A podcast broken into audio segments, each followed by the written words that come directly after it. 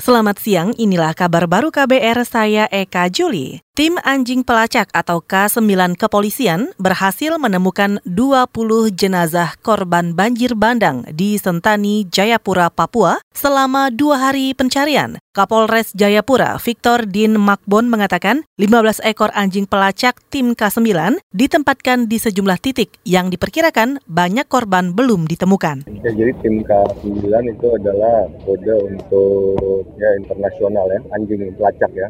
Jadi untuk bencana ini kita bantu dari Polda dan juga dari Baharkam Polri. Semenjak hari kedua setelah kejadian langsung kita dibantu cukup uh, efektif ya. Kita lihat untuk jenazah terutama ini kan sudah mulai menimbulkan bau busuk dan ini memudahkan untuk anjing pelacak uh, bantu untuk mencari. Dan Kapolres Jayapura Victor Din Makbon juga menambahkan selain melakukan pencarian korban, tim gabungan juga mulai melakukan pembersihan di sejumlah lokasi di antaranya di Jalan Sosial, Kemiri, dan Doyo Baru. Saudara, memasuki hari kelima pasca banjir bandang di Sentani, jumlah korban jiwa mencapai lebih dari 100 orang. Jumlah ini kemungkinan besar akan bertambah karena 93 warga masih dilaporkan hilang. Komisi Pemberantasan Korupsi atau KPK bakal memeriksa Sekjen DPR Indra Iskandar dalam kasus suap pengurusan dana perimbangan untuk Kabupaten Pegunungan Arafak pada APBN 2017 dan 2018.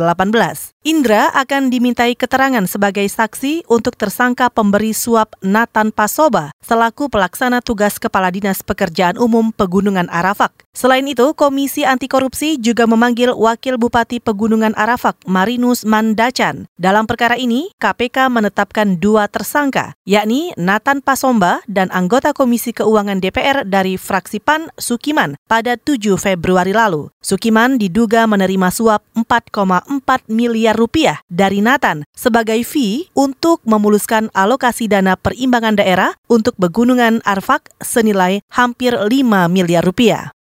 Saudara, warga ibu kota antusias menjajal moda raya terpadu atau MRT Jakarta. Laporan selengkapnya bersama reporter KBR Reski Novanto. Ya, hari ke-9 uji coba kereta moda raya terpadu atau MRT di stasiun MRT Blok M Jakarta Selatan terlihat cukup ramai pada siang hari ini. Salah satu petugas, Imam, mengatakan stasiun MRT Blok M sangat padat pada jam berangkat kerja dan pulang kerja. Sementara itu, salah satu penumpang MRT asal Radio Dalam Jakarta Selatan Selatan Ilham mengaku baru pertama kali datang dan menaiki MRT dari Blok M ke Bundaran HI, kemudian ke Lebak Bulus bersama ibu dan keponakannya.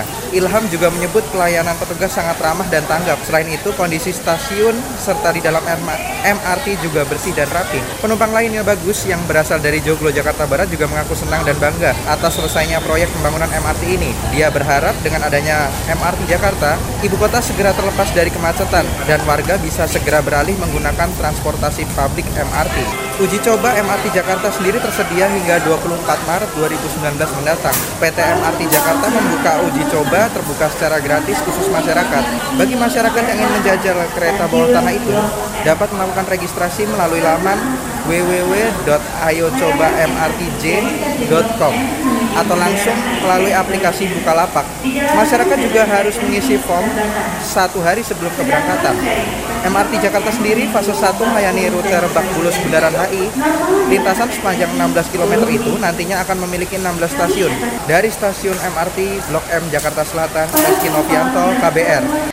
Demikian laporan antusias warga Jakarta yang menjajal MRT Jakarta.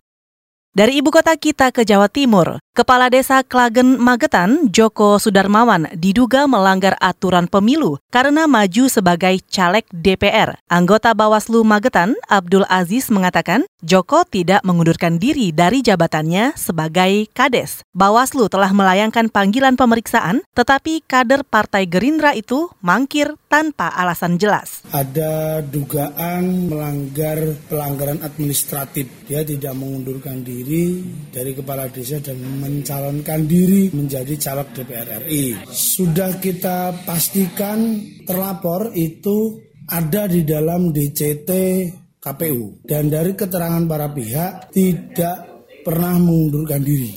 Anggota Bawaslu Magetan Abdul Aziz menambahkan, Joko Sudarmawan juga diduga melakukan pelanggaran pidana. Bawaslu akan mengumpulkan semua bukti dan segera melayangkan pemanggilan kembali.